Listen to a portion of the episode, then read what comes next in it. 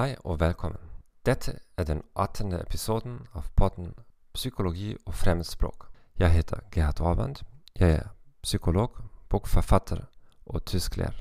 Jeg er ikke ekspert på norsk. Du har selvfølgelig allerede forstått dette. Vær tålmodig med meg. Men jeg lover at jeg skal bli bedre med hver nye episode. Hvis du har oppdaget denne podkasten akkurat nå, kan du sjekke ut de siste episodene først. Kvaliteten vil være mye bedre enn i det første. Temaet for dagens episode er dette. Hvorfor skal jeg lære et språk godt hvis det er så mange gratis oversettelsesprogrammer? Jeg håper at du ikke gikk glipp av den siste episoden vår, episode 17. Skal jeg fokusere mer på å snakke eller på å skrive? Du kan finne alle podkastepisoder i arkivet vårt. Hvis du vil lytte på denne podkasten på et annet språk, kan du gå til vår hjemmeside thegomethod.org slash podcast eller thegomethod.org slash norwegian. Saboterer du din egen suksess med å lære et fremmedspråk, og kaster du bort tid og penger på uproduktive aktiviteter? Oppdag de 21 feilene jeg selv har gjort i løpet av de siste 20 årene, og lær hvordan du kan unngå dem ved å lese min nyeste bok, 21 Self-Limiting Beliefs in Learning a Foreign Language Smashed. Boken er tilgjengelig som lommebok og i Kindle-format på Amazon. Du finner den direkte lenken her på nettstedet til podkasten. La oss starte. Hvorfor skal jeg lære et språk godt hvis det er så mange gratis oversettelsesprogrammer? Her er de tre viktigste argumentene mine. 1.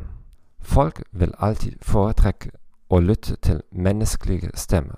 Folk vil høre stemmen din, ikke den datastyrte stemmen til en smarttelefonenhet. Jo mer teknologi det er i verden, vil folk være villige til å betale en høyere pris for å samhandle med et virkelig menneske. 2. For å oversette tekster er programvare som Google Translate greit for å spare tid. Selv bruker jeg det ofte som en første versjon utkast selv om jeg oversetter mine egne tekster fra engelsk til tysk, og jeg, ty tysk er mitt morsmål. Imidlertid vil det alltid være risiko for feil oversettelse. Selv med det beste menneskelige oversetter eller tolk skjer dette. Hvis du ikke lærer et språk godt, gir du opp kontrollen over meldingen din, og små feil kan ofte få katastrofale konsekvenser i et privatforhold, en salgssamtale eller i en forhandling. Og tredje argumentet bli en del av eliten. Jo flere språkinnretninger det er, jo latere mennesker blir det. Hvis du studerer et språk virkelig godt, kan du være blant de få som virkelig har mestret språket. Og som jeg sa i punkt 1, det vil være en økende premie for folk som kan bruke språk på det høyeste nivåene.